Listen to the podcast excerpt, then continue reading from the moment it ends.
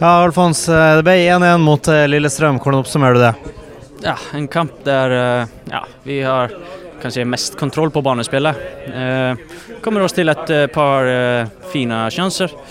De har sine sjanser òg, men eh, helt over det var prestasjoner på et OK nivå. Litt variabel, men store deler av kampen på et fint nivå.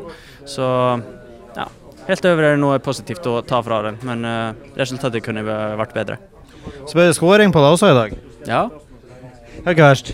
Nei, ikke så verst. Det var eh, ja, skaffa en straffe på s- sånn ganske lik eh, situasjon litt tidligere i kampen. og Da var det bare neste gang, eh, neste gang jeg fikk den, å sette mot mål.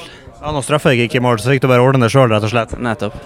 Ja, Men du, du, du skåra jo kun viktige mål. Det er sånn, Du skårer ikke i 4-0-skåring, liksom. Det er Enten så er det å sende oss videre til en kvartfinale i Europa, eller så er det å sikre cupavansement, eller så er det en viktig utligning mot uh, et av topplagene. Det, er- hvis du først skal gidde å skåre, så skal det være en skåring som er verdt å notere seg også. Ja, nettopp. Eh, Jeg tar fram ja, jeg tar fram eh, skåringsevnen når det trengs som mest.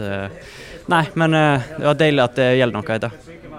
Det ble jo ikke akkurat den, eh, den store gjenreisninga som kanskje mange Glimt-supportere hadde håpa på etter eh, cupfinalen, men det kommer jo en ny cupfinale, kan man vel kalle det, om ei uke mot Tromsø. Hvor mye motivasjon har dere nå etter de her to ukene på, på å slå tilbake og gi Glimt-fansen det de vil ha mot Tromsø? Ja, vi Nei, vi jobber jo stadig for å utvikle oss sjøl, og vi vil bli bedre og bedre og bedre. og Det betyr at prestasjonene og resultatene blir bedre og bedre.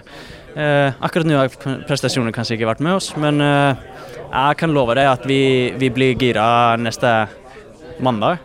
Ja, neste mandag mot, eh, mot Tromsø. Og så, og så vet vi jo at hvis det er 1-1 i sluttminuttene, så er det jo en islending som kommer og setter en viktig skåring på tampen her, da. Ja, det satser vi på. Takk for det, Alfons.